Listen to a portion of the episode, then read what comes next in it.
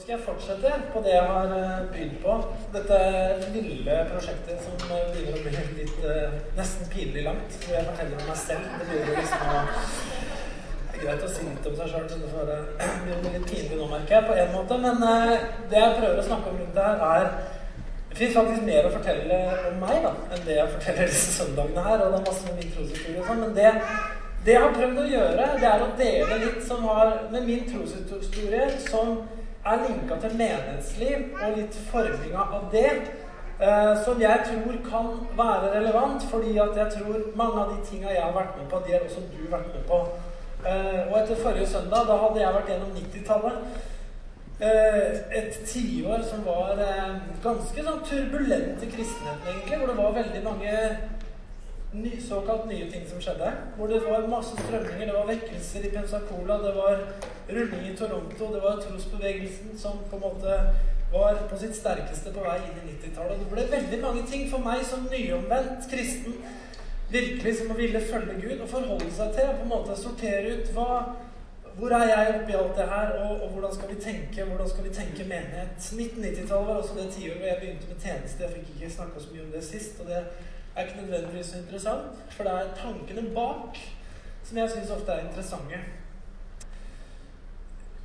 Så jeg skal fortsette i dag, og jeg, jeg kommer til å fortsette i dag fram til Bykirken begynte å komme til. Og jeg skal fortelle fra perioden 1998 til 2005.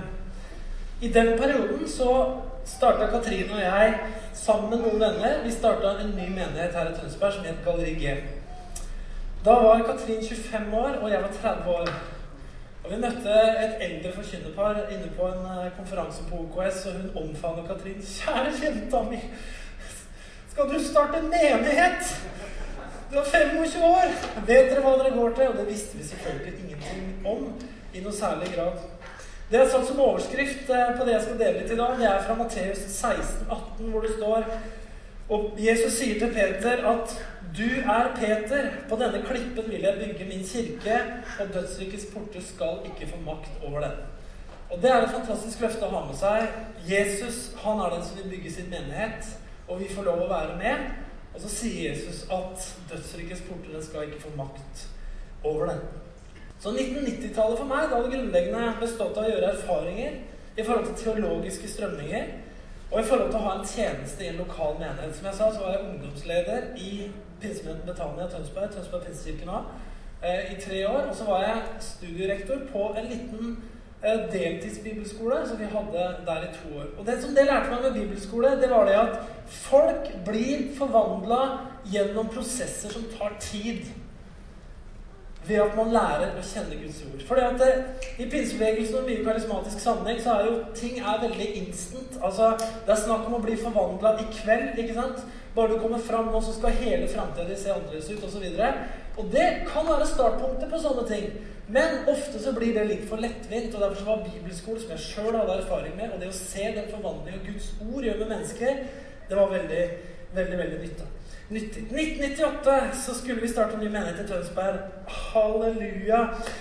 Liksom. Eh, foruten meg og Katrine, så var det noen par ting som var med. Det var ca. ti pers, også noen unger.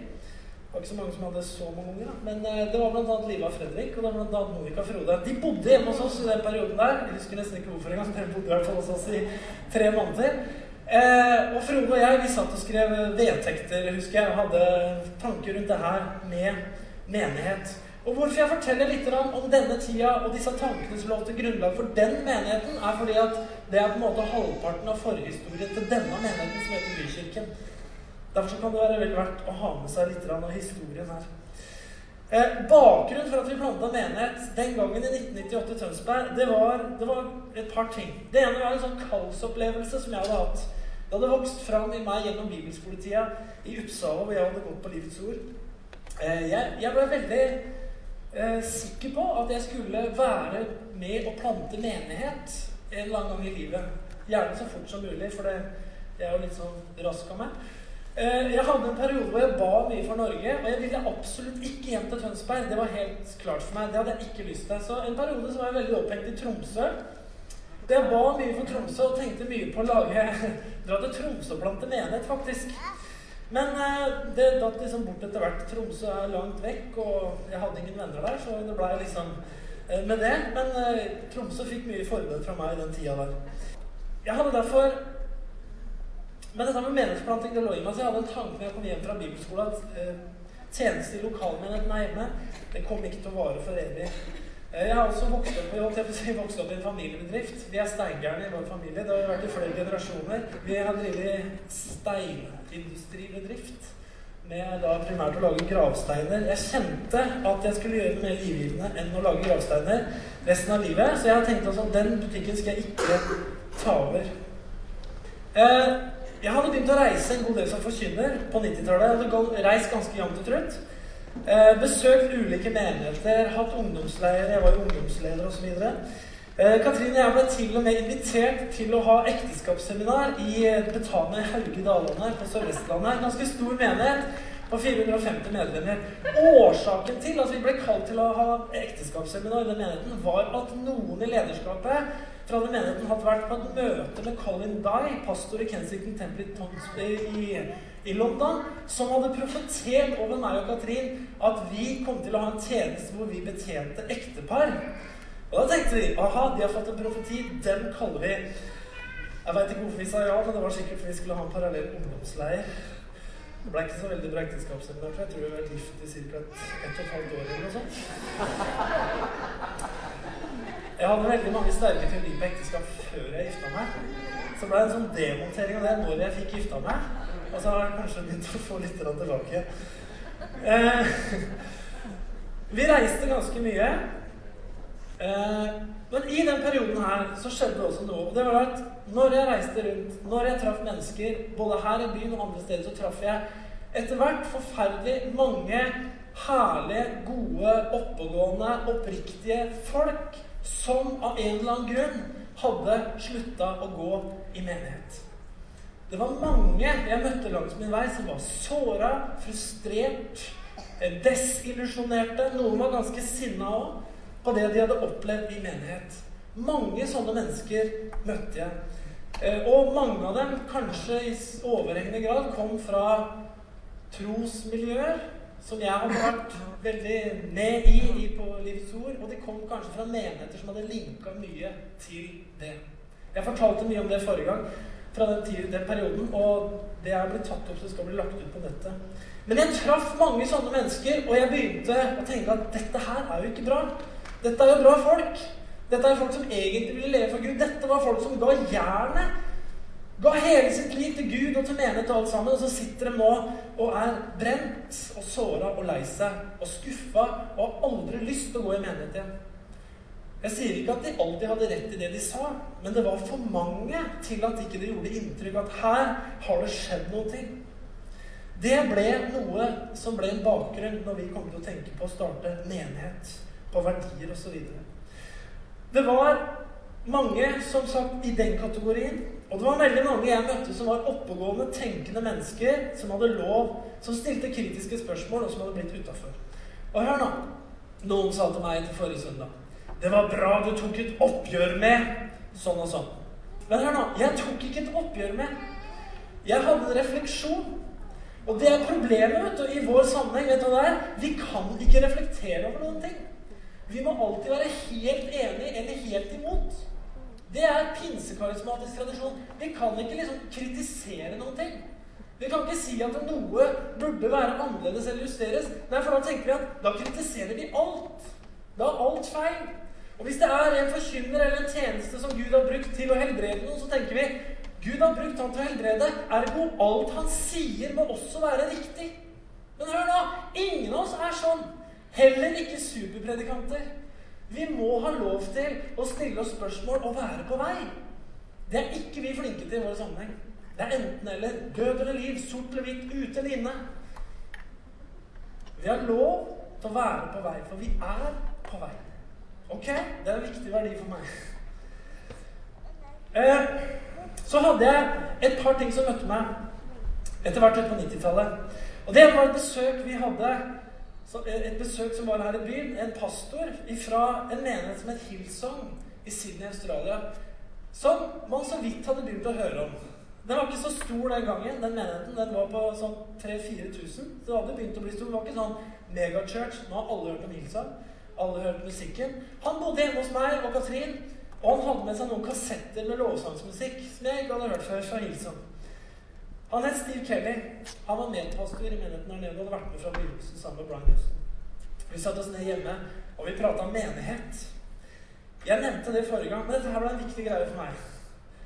Fordi jeg spurte hvordan har dere, hvordan har dere tatt imot Toronto-bevegelsen. Jeg sier ikke jeg sier ikke at Gud ikke har brukt noe i Toronto-bevegelsen. sier jeg ikke. Men jeg spurte han hvordan har dere tatt imot det. Og svaret han ga var overraskende. Han sa nei, det der er jo ikke helt vår greie. Så vi har ikke forholdt oss noe særlig til det. Vi har liksom et spor vi har funnet som vi kjører. Jeg tenkte, kan du si det? Alle sier jo at det er det Gud gjør nå. Altså Hvis du er gæren på det her, så er det på en måte går du glipp av neste fase Guds gjenopprettelse av endetidens menighet. på en måte. Han sa det er ikke helt vår greie. Og så begynte vi å snakke menighet.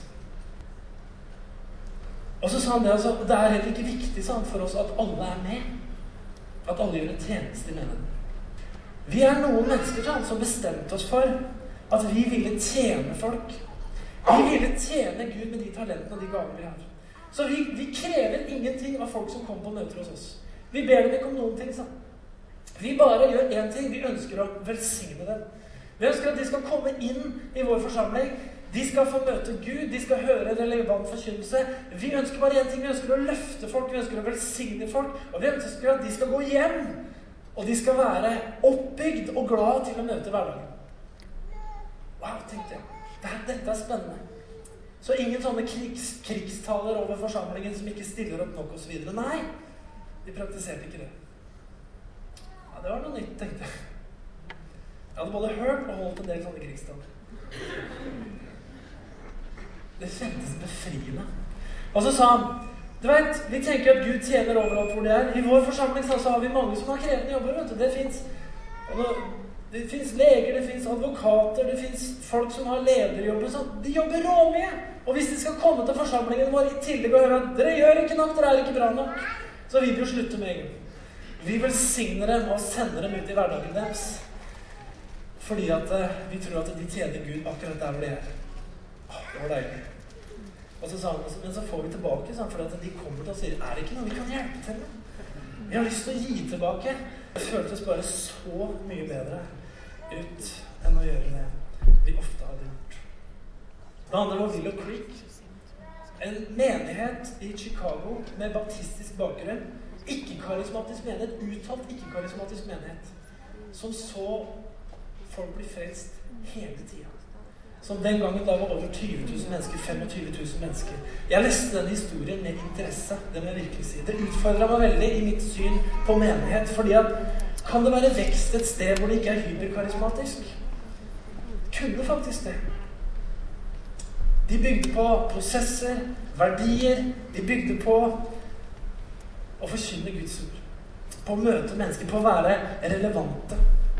I min pinsetradisjon så hadde på en måte alt som hadde med vekst og kirkevekst og menighetsvekst å gjøre, det hadde på en måte alltid vært ekstremt. Altså Det inntrykket jeg satt igjen med, var at alt som er bra, er ekstremt. Det hadde alt fra utlegninger fra TB Barrat, som var pinsebevegelsens grunnlegger, om hans møte med Gud, som var så dramatisk i New York. Hvor han brøyt sammen etter lang tids søken osv.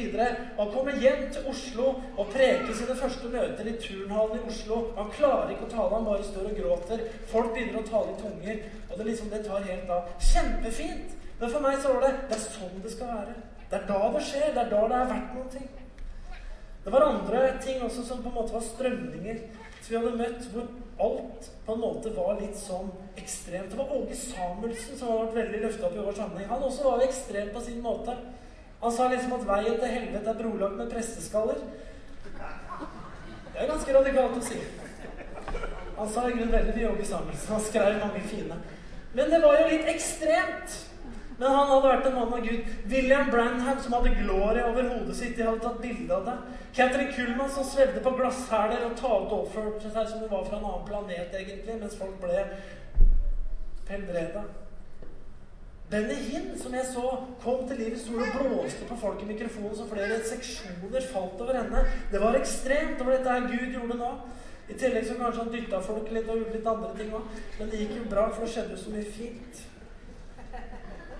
Livets ord som ble superforfulgt mens de kasta ut dumme ånder, talte i tunger og lo så det braka.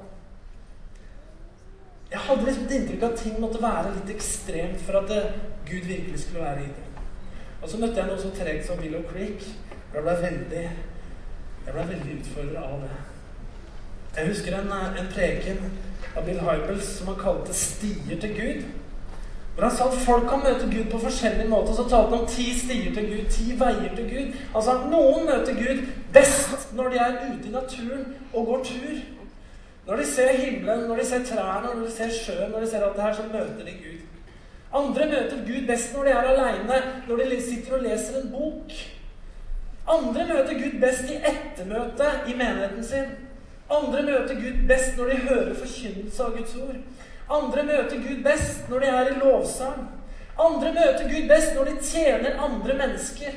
Folk møter Gud best på forskjellige måter. Jeg tenkte, Det var ganske befriende å høre. Istedenfor den her om du ikke kommer fram i kveld, så kommer du til å gå glipp av det som Gud gjør i dag. It's only one way. It's only one point. Det ga litt mer space. Det var deilig. Jeg hadde vokst opp i en flergenerasjonsmenighet med generasjonsspenninger. Noe som er vanlig i ganske mange gamle menigheter. Det var jeg ganske trøtt av. Det hadde vært deilig med en menighet som var enig med seg sjøl i møteform, møtestil, musikkstil, møtekulturer osv. Drømte egentlig om å være en menighet hvor det var litt mer homogent. Ikke komfort, ikke at alle måtte være like, men det var noen verdier og noen tankemåter som var litt mer homogene. Altså At ikke ungdomsmiljøet var én menighet til menigheten, at ikke de eldre var en annen menighet til menigheten. Og hver gang disse gruppene treftes på hverandres møter, så led man eller kjeda seg dørgende i hjel.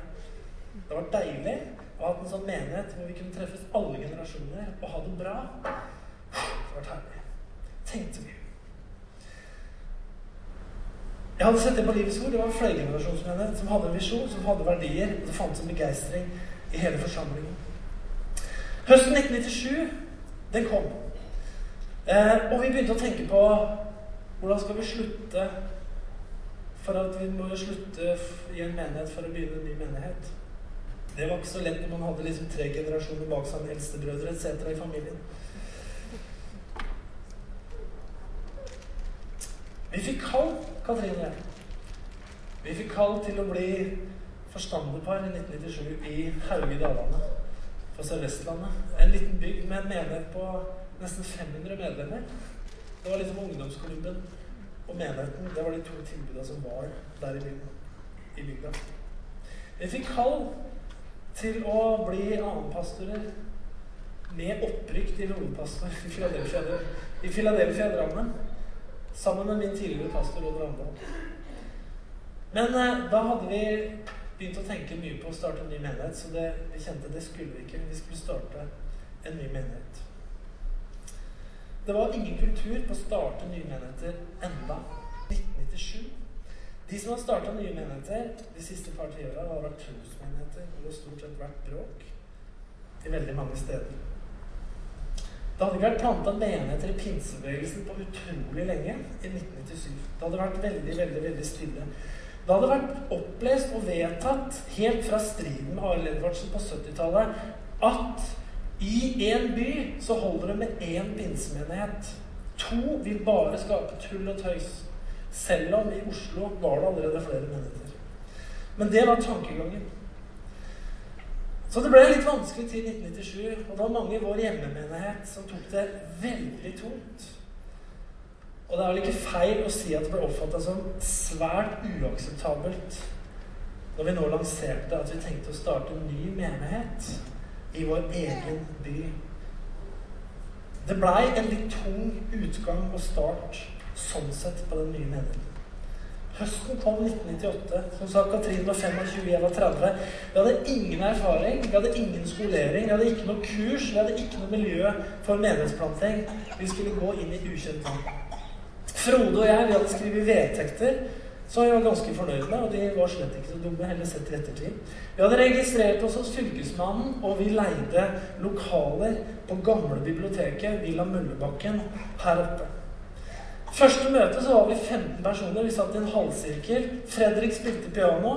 Vi sang lovsanger, og jeg hadde en gammel blomsterpidestall som talerstol. Vi hadde null utstyr. Vi hadde ingenting, egentlig. Vi hadde vel et piano etter hvert. Og jeg talte om hvordan israelerne fortsatt hadde en slavementalitet selv om de hadde blitt befridd. Og det skulle vise seg at veldig mye av det vi tenkte og følte og drømte om, skulle bli vanskeligere å nå enn det vi trodde. Nettopp fordi vi var gamle i huet, selv om vi følte noe nytt her inne. Jeg fikk et bibelvers da jeg gikk på bibelskole, og jeg ba mye over det her med menighetsplanting. Det verset det handla om David. Han var på flukt fra eh, kong Saul, og han gjemte seg i en periode i en hule ved et sted som het Adullam. Og Det står i 1. Samuels bok 22, 1-2. Dette var verset jeg hadde fått noen år tidligere. Så dro David bort derfra og flyktet til hulen ved Adullam. Da brødrene hans og alle andre i slekten fikk høre det, så kom de ned til ham der. Og det gjorde de faktisk. Slekta kom ned. Alle slags mennesker som var kommet i nød, alle som var tynga av gjeld og var misfornøyde, samla seg om ham og han ble høvding for dem. Det var om lag 400 mann som var med. Det verset hadde jeg fått av Gud når jeg gikk på bibelskole. Sånn skal det bli den dagen du planter menighet. Sånne folk kommer til å komme. Sånne folk som er tynga av gjeld, som er i nød, som er misfornøyde, de kommer til å komme når du starter menighet. Det hadde jeg i bakhuet. Og de kom. De kom på Villa Møllebakken, akkurat de folka der. Det kom flere og flere folk på møtet. Eh, og det var faktisk oppe i 90 stykker på møtet der oppe på Villa Møllebakken. Og det ble jo en interessant tid, kan du si. Eh, I denne delvis utbrente og desillusjonerte gjengen som starta, så var det ikke lett å få hjelp. Fordi at de fleste som kom til den menigheten, de var egentlig veldig lei av menighet. Det at Mange av dem hadde egentlig bestemt seg for at de aldri skulle gå i menighet mer. Men så kom de til det her allikevel, for det var litt annerledes. da. Vi hadde jo litt sånn satt i salonger, og det var sånn uh, Ja, det var litt sånn annerledes der, kan du si. Og vi drakk kaffe lenge etterpå, hvilket vi likte veldig godt. Vi likte grunnen mye kaffe, den gjengen som starta. Kaffebarer og sånne ting. Eh, og, men de som kom, så jeg husker det var veldig vanskelig å få hjelp. altså jeg husker Vi måtte hente nøkkelen sjøl, låse opp sjøl, rigge sjøl, måtte lede møter sjøl, ta opp kollekten sjøl, preke sjøl, rydde sammen sjøl. Og så hadde vi takk og lov Fredrik som spilte piano, Frode Monica. De har sunget liksom i alt i flere tiår. Og de bare er som sånne låsangmaskiner som ble satt på hver søndag. liksom. Sånn at det, eh, det ble en spesiell tid. Jeg husker Er det mulig noen her som kunne tenke seg å begynne å ta opp kollekt? Nei, det var ikke snakk om for mye og kan bli utbrent av sånt. Liksom. Det var ikke sjans, da. Så husker jeg Jack Olsen kommer, som sitter her og er lydtekniker. Han var den første litt sånn utenforstående som kom og meldte seg til tjeneste. Han kom på møtet der, og så jeg visste han var ganske nyfrelst. Han ble frelst temmelig kort tid før. Og sa han ja, så er du her, sa jeg. Ja, jeg hørte det var så mye bråk rundt her, så jeg tenkte dette må jo rette sted å være. Ja, jeg det er jo grei analyse. Så ja, kom og sa jeg kan, kan godt ta lyden, jeg sa. Og siden har han sittet bak den pulten. Ja, det var fantastisk. Når jeg var her klokka kvart på ni til morgenen i dag, vet du hvem som var her da? Jack Olsen. vet du, Han var her og rigga lyd. Han har holdt på i 13 år. Det er bra. Takk, Jack. Eh, Så da begynte den perioden her. Men jeg har lyst til å ta med et par verdier som vi hadde med når vi grunnla den menigheten. For det var viktige verdier for oss som fortsatt henger sterkt med tror jeg veldig mange av oss som, som var med fra den tida. Vi hadde, når vi skrev eh, vedtektene våre, så skrev vi noe som het holdningsverdier. Vi må ha noen verdier som går på hva slags holdninger vi skal ha til mennesker. Og jeg kan ikke lese alt det her nå, men holdningsverdiene våre var kjærlighet, sannhet, visdom og frihet. Og Et par utklipp av teksten fra disse verdiene forteller noe om det paradigmeskiftet som både jeg og mange rundt meg vi gikk gjennom sammen. Noe av teksten fra holdningsverdighet, sannhet, det lød sånn Vi ønsker at Galleri G skal kjennetegnes av sannhet. Sannhet er relasjonen både til Gud og til mennesker. Vi ønsker at denne menigheten skal være preget av ærlighet, oppriktighet, åpenhet, ydmykhet, en sannhetskultur. Det her var for oss en sånn derre Dette måtte vi skrive. For oss så var det her en sånn motreaksjon på masse av det som veldig mange, inkludert oss sjøl, hadde opplevd i mye menneskemiljø. For det ikke gikk an å være ærlig. Det gikk ikke an å snakke sant om livet. Vi måtte holde bekjennelsene veldig høyt. Vi måtte være perfekte. Vi måtte liksom holde fasaden. Og fikk vi problemer, så gikk vi i hvert fall ikke til menigheten. Da ble vi hjemme. Til vi hadde fiksa opp problemene våre, så vi kunne komme tilbake igjen og strekke opp henda og være fulle av seier og glede absolutt hele tiden. Ærlighet, ydmykhet, oppriktighet det ønska vi i hvert fall å ha. Om vi lyktes, det får andre dømme om. Dette var helt klart sånn markering fra oss. Den andre teksten som jeg kan hente litt fra, var om verdien frihet. En holdning av frihet. Vi sa vi ønsker at menigheten skal ha en frihetskultur der alle har eierskap i helheten, og der livet med Gud er levd og forstått, ikke påtvunget og diktert. Det var viktig for oss. Livet må være levd og forstått, ikke påtvunget og diktert. Det går ikke det, vet du, i lengden å tvinge folk til, å diktere folk til. Det må være noe som vokser fram på innsida. Og folk er på vei. Folk må få lov til å være på vei. Og menigheten er heller ikke en sånn maskin som skal oppfylle en visjon. Menigheten er et levende fellesskap som brenner for noen ting. Vi er alle på vei, og vi har rom for folk til å være på vei til å bli noe, til å vise Kristus sånn som han er. Denne tida her, det ble Og nå, det jeg skal fortelle nå, det har litt bakgrunn med hvorfor jeg personlig og vi i menigheten her, vi ønsker å ha en åpen, brei, respektfull eh, relasjon med andre kristne. For denne tida her det ble en sånn tid av voldsom isolasjon. Isolasjon er ikke bra. Det ble en tid av isolasjon, og det ble en tid av søken etter identitet. Og disse tre første åra fra 1998 til 2001 det er uten tvil de tre tøffeste årene i våre liv. Både som ektepar og rent personlig.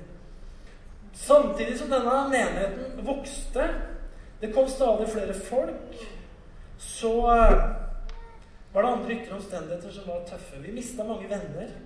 Vi ble veldig mistro på motiver. Og vi kunne ikke, følte vi, være en del av pinsebevegelsen som vi har vokst opp i. Vi ble litt uten nettverk. Vi var med å plante menighet litt før veldig mange andre begynte å plante menigheter på begynnelsen av 2000-tallet. Jeg visste ikke helt hvilket nettverk jeg skulle forholde meg til. Jeg hadde ikke pinsenettverket. Vi hadde ikke trosbevegelsesnettverket, som var i full oppløsning anyway. Og jeg klarte ikke helt å tenke at vi skulle være en sånn uh, Toronto-menighet uh, heller, må jeg innrømme. Sånn at uh, vi ble liksom veldig isolert. Og det var ikke noen god opplevelse å være isolert. Det var en litt sånn vanskelig tid sånn. Jeg husker jeg satt og leste litt seinere, tre år seinere, om en som i dag er en god venn av meg, som heter Øystein Gjerme, som starta Bergenskirken. Og så sto det rapport fra oppstarten av Bergenskirken, som jo da er i Bergen, som du hører. Der sto det at det var mange på åpningsfesten. Pastorer fra hele byen var til stede. Egil Svartdal var der og åpna det hele. Det var mange tilreisende som eh, ga sitt bifall og velsignet. Jeg tenkte Wow! Så deilig det høres ut. Istedenfor at ingen vil besøke. Stikk fra byen. Så kom vi i kontakt med Tønsberg-kulturen. Tønsberg-kulturen, menighetskulturen i Tønsberg, den har jeg rømma meg litt på med, innrømme, opp gjennom åra. Tønsberg har ofte vært kjent av slitne kristne. Kristne i Tønsberg er veldig ofte slitne. Har du lagt merke til det? Jeg blir så slitne i Tønsberg. Jeg har sett andre byer og andre steder hvor kristne er litt sånn begeistra for å tjene Gud og er litt på og snakker om menigheten sin og er positive sånn, men i Tønsberg så er veldig mange slitne. For det er liksom det er liksom aldri helt bra nok. Og vi blir litt slitne fordi at andre er slitne òg. Så blir vi litt slitne fordi at fordi vi er slitne, så kan vi liksom ikke gjøre noe. Og da blir det jo enda mer på de få som gjør noe, så blir de slitne, og så bekrefter de hverandres slitenhet. Så det er slitsomt å være menighet. altså. Vi må passe på så ikke vi brenner oss på en måte. Tønsberg er jo en sånn besteborgerlighetens blå, mørkeblå stripe, nærmest. da. Hvor vi er litt sånn private av oss. Vestlendinger og nordlendinger de klager jo konstant når de er her nede og sier at dere er umulig å få kontakt med dere østlendinger. Dere tønsbergensere som låser dere inne i de fine husa deres og dra på hytten. Hvis du bor litt sånn, hvis du reiser mye til Oslo, så begynner du å si hytten etter hvert. Eller til byen, som de sier da, som vil være litt urbane, selv om de bor i Tønsberg. Tønsberg har vært liksom prega av moderat hengivenhet. Ikke be meg om for mye, jeg kan bli sliten. Min egen generasjon Min egen generasjon, hvordan skal jeg betegne den? Den er herlig. De er veldig hyggelige å være sammen med. De er fantastiske å sitte på kaffebar sammen med og prate med. Det er herlig å reise på ferie sammen. Det er herlig å sitte sammen i sofaer og prate med dem. De er kunnskapsrike, men de er også ganske kritiske, tilbakelente, ironiske og veldig redde for å satse på feil hest.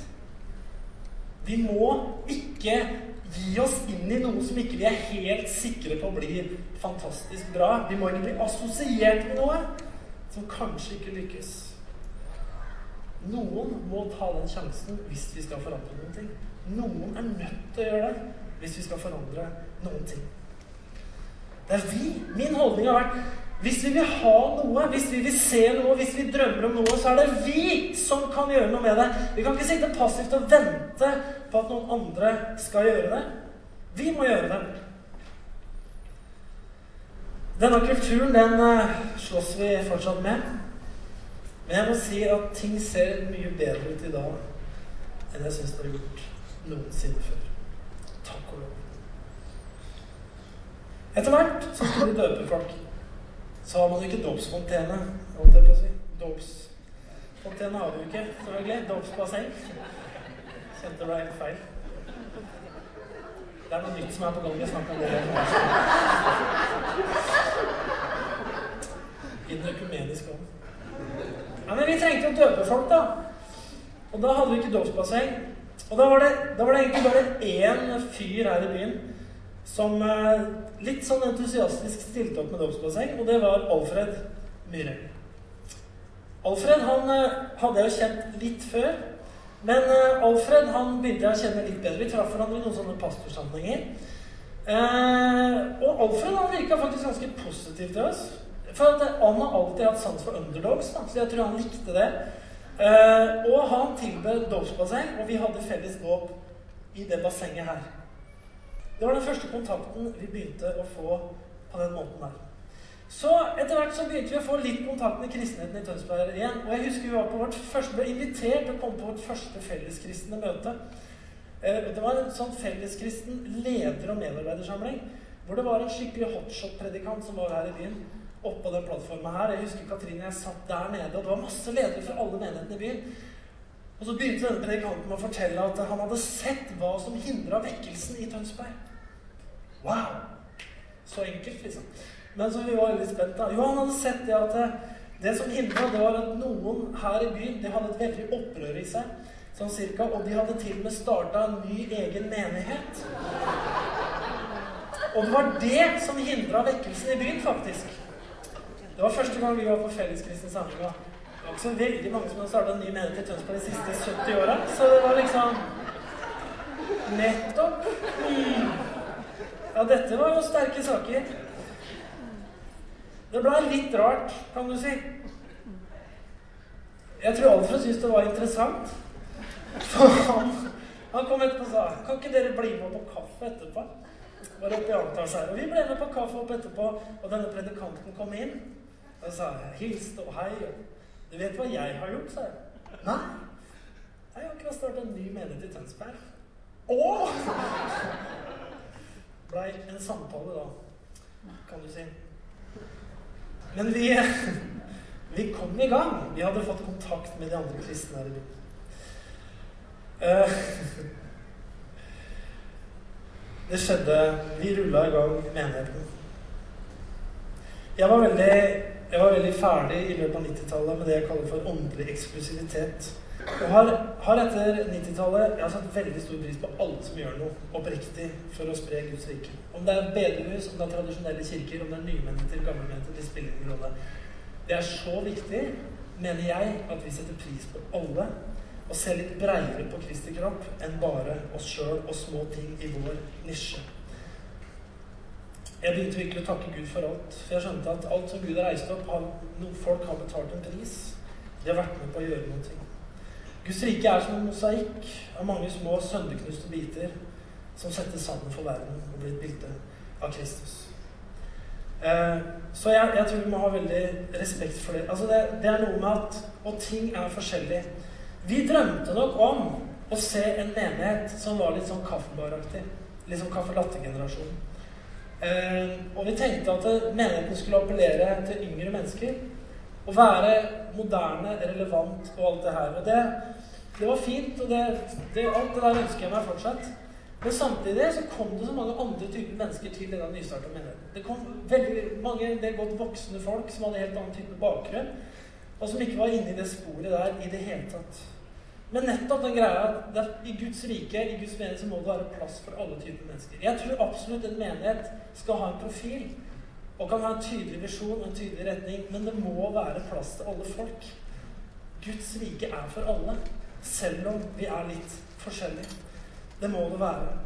Eh, tre år hadde gått, for å ta det litt fort. Jeg, jeg, jeg begynte å bli sliten, skal jeg være helt ærlig. Så begynte jeg å bli dyktig sliten. Vi starta en kaffebar nede i byen. Vi syntes det var gøy å ha et navn, så vi kunne bruke noe mer enn menighet. Det er derfor vi het Galleri G. Gud! Menigheten er et sted hvor folk kan komme og se Gud. Akkurat som de kan komme og se kunst på et annet galleri. Galleri Gud var det egentlig. Så vi starta kaffebar midt i sentrum på Torvet som het Galleri G kaffebar. Den var kul, den var fin, den var altfor liten. Sånn at det ble altfor få gjester der, selv om det var helt fullt på søndag. Den gikk på, på lørdag. Eh, det hadde gått tre år. Kaffebaren hadde gått konkurs. Vi hadde en liten menighetsøkonomi som var ordentlig i minus. Vi hadde trangt økonomisk hjemme privat, og vi røyk titusenvis av kroner på kaffebarkonkursen personlig. Det var selvvalgt, for vi visste det var et risikoprosjekt. Vi kjente at det tæra på i ekteskapet vårt. Vi var unge, vi var uerfarne, vi hadde altfor lite nettverk rundt oss. Og vi hadde mista mange venner og relasjoner, i hvert fall en, en periode, som etter hvert kom tilbake. Vi mista ledere i menigheten av helt legitime grunner, som at de skulle flytte, de skulle ditten, de skulle datten, som var helt legitimt og i orden. Og det endte jo med Jeg husker liksom dette salige møtet med Katrine og jeg da var skvisa til å ta lovsangen sjøl. Jeg sa forrige gang jeg hadde leda lovsang for 1000 mennesker i Malaysia med Tom Inglis, eh, som var grunnlegger av Salmodi International på første rad. Det hadde gått veldig bra, men da slapp vi å spille sjøl. Nå skulle vi spille sjøl. Og det var en lidelse, tror jeg, både for oss og for forsamlingen. Vi stilte oss opp én gang, det gikk noenlunde. Andre gangen gikk det ikke bra. Da var det en mann som reiste seg ned i salen og sa med litt mørk stemme Magnar, sett deg ned. Jeg tar det. Han heter Så mye skal det til for å få folk til tjeneste. Han heter Jon Emil Stavik og er en fantastisk gudbenådet gitarist. Med en herlig stemme som gikk opp og tok lovsangen. Det var så deilig. Jeg var, jeg var skikkelig fortvila på den tida der, for det skrubba så innmari på så mange områder. Vi var så slitne, og jeg angra så mange ganger på at vi hadde starta menighet, for det her blei så slitsomt. Og jeg tenkte hva har vi igjen for det her? Men så hadde jeg lest statistikk at i USA så er det sånn at 70% av alle nystarta menigheter i USA de blir nedlagt i løpet av de første tre åra. Så jeg tenkte kan vi bare stå gjennom de første tre åra? Bare ta hvert fall knuse de tre åra. Så får vi se hva som skjer. Men da var jeg skikkelig dyktig sliten. Jeg hadde veldig lyst til å gi opp. Så ringte det, og jeg var på kanten til å gjøre det. Når En dag så ringte det to telefoner på samme dag. Den ene det var Stig Hagen, som ringte. Han bodde i Danmark sammen med Sara og sa Magnar, vi har bestemt oss for å komme opp og hjelpe deg.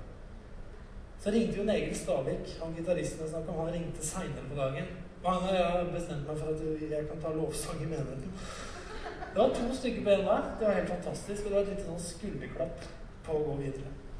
Det var en spennende tid. Det ble en sånn mer normaltilstand da, i denne menigheten her. Eh, vi jobba egentlig i et sånn tiårsperspektiv, for det har jeg fått beskjed av en forkynner som har drevet mye med det her. Du må regne med ti år med hardt arbeid før en menighet er oppe og går. Ting stabiliserte seg. Vi ble flere og flere i denne menigheten. Eh, og det var mange som tok ansvar. Var, folk tok ansvar i sang og musikk og kafé og barnearbeid og administrasjon. Og det begynte å gå bedre. Jeg skal ikke dvele for mye i perioden fra 2001 til 2004, for den gikk mye til sånn noenlunde stabil drift av en ganske fersk menighet. Det skal likevel sies at det var en famling etter identitet. Mange nye menigheter ble starta etter hvert og jobba i et nettverk. Og de hadde på en måte en identitetsutveksling i forhold til å være en ny, fresh, moderne menighet. Vi datt utafor, hadde dette utafor det nettverket, for det eksisterte ikke her hjemme når vi starta den gangen. Vi ønska ikke å være en tradisjonell pinsemenighet. Vi ønska ikke å være en trosmenighet. Vi ønska ikke å være en type Toronto-menighet. Vi ønska heller ikke å være en ukarismatisk eh, holdt jeg på å si, sånn menighet som ikke har noe liksom, åpning for Den hellige ånd og karismatikk å gjøre. Vi visste ikke helt hvor vi skulle plassere oss. Og så hadde vi vår egen generasjon av folk som var frustrert og lei av menighet og ønska seg noe annet. Problemet var bare at de visste ikke hva de ønska seg, de bare visste hva de ikke ønska seg. Og det fant ut etter hvert at vi vet veldig mye om hva vi ikke vil ha, men vi vet lite om hva vi vil ha. Det har skjedd mye spennende rundt i menighetsverdenen. Samtidig så gjorde det en erfaring. Vi kan planlegge, vi kan ha visjoner, vi kan ønske, men det kommer alltid andre elementer inn og påvirker det vi er, og det vi gjør. Til syvende og sist er menigheten summen av de menneskene som går der. Og det må vi ha veldig stor respekt for. Men menigheten stabiliserte seg. Og eh, Men jeg har en større drøm enn om en liten menighet. Jeg tenkte menigheten må vokse seg stor, sånn at vi kan påvirke samfunnet vårt med alt det gode som fins i evangeliet. Jeg hadde blitt fascinert en gang jeg snakka med Steve Kelly. Han fortalte at musikken fra den menigheten Hillsong den lå på hitlistene i Australia. Det tenkte jeg wow! Det er da noe, altså. Her er det noe som har breaka noe. Han fortalte at ekteskapskursene, ekteskapsseminarene deres, videoene deres, alt det her som de ga ut den gangen, det var, ble solgt i de vanlige videosjappene i Sydney. Hvor folk gikk og leide eller kjøpte kurs i ekteskap osv. samlet mange praktiske ting. Han fortalte at de hadde den største julefesten i det hele The Hills, det området hvor hvor de hadde helikopter med Santa Claus og hele greiene. Jeg tenkte Det her er litt svung på, da en menighet med vanlige folk som tror på Gud, og som ikke er så frika i huet sitt at andre mennesker ikke skjønner bæret. Vi hadde ikke lyst til å ha en menighet hvor vi talte høyt i tunger på søndagsmøtet. Vil dere ikke ha det? Nei, vi ville ikke ha det.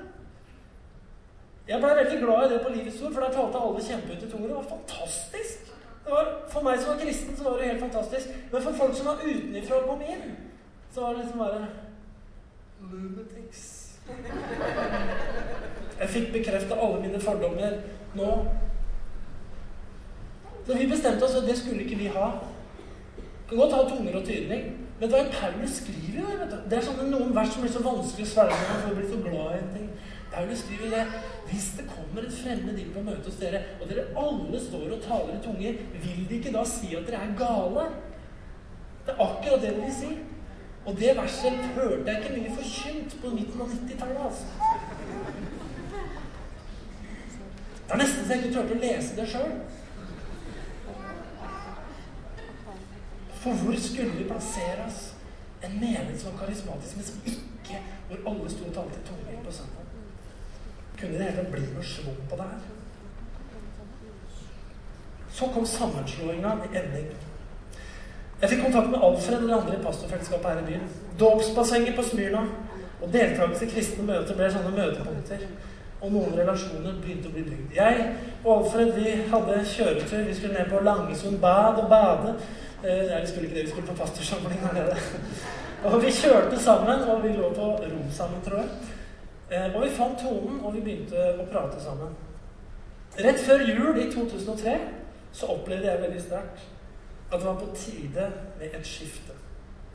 Jeg begynte å se for meg, og det var en sterk opplevelse for meg, som jeg bare var i bønn rett før jul 2003 at vi skulle slå sammen et par menigheter, i hvert fall, og se noe nytt vokse fram. Jeg kom på pastorsamling i det som heter Hjertebyen pastorfellesskap, og jeg sa jeg har noe jeg bærer mye bønn om. Altså. Og fordi jeg vet at det er mennesker her med profetiske nådegaver, så jeg har lyst til at dere bare ber for meg. Og hvis det er noen av dere som får noe, så vær så god. De la hendene på meg. Og Alfred Myhring profeterte over meg pinpoint nesten alt jeg gikk og tenkte på. Og jeg gråt og møtte Gud og alt det der. Og sa ikke noe mer. Men det var en bekreftelse for meg. Etter sommeren dette året gikk, så ba jeg om et møte med Alfred og Einar Myhring her. Og jeg kom til dem og eh, sa det at eh, jeg lurte på å snakke litt med dere om eventuelt å tenke på sammenslåing av menighetene. Og da sa de veldig greit Det er helt i orden. Vi visste at det var det du kom til å komme og prate om. Så det var i grunnen greit. Og så begynte den prosessen som skulle lede fram til at Bykirken ble stifta 1. mai 2005. Høsten 2004 det brukte vi på samtaler med hverandre. Og Betania tok litt kontakt med oss, vi prata litt med den periode. Og fra nyttår 2005 så vi, begynte vi å ha mye felles møter. 1. mai 2005 så ble Bykirken stifta. Bykirken hadde et fundament, men vi var ikke en homogen menighet da den ble startet. Selvfølgelig var det ikke det. Kultur må bygges, identitet må skapes, og relasjoner må smis sammen i heten som oppstår når man skal stå i tjeneste. Alt dette her som jeg har fortalt, og det er mange som ikke har vært her hele tida, men alt dette her som jeg har fortalt nå fra min barndom, min oppvekst fra pinsesammenheng, med masse loviskhet i meg, uh, inn i trosbevegelse, inn i kall, inn i andre fornyelser osv. Det har selvfølgelig vært med å forme den tenkinga som var rundt denne gallerigenigheten som starta. Og det har selvfølgelig vært med å forme tenkinga, og som jeg kjenner vi var veldig på linje med, vi som var ulike ledere og treftes når vi stifta, stifta Bykirken. Vi kom jo da tilbake i pinsebevegelsen når vi ble i Bykirken. Det hadde blitt akseptert med to pinsemenigheter i, i en by i løpet av bare seks til syv år. Så var det en akseptert tanke.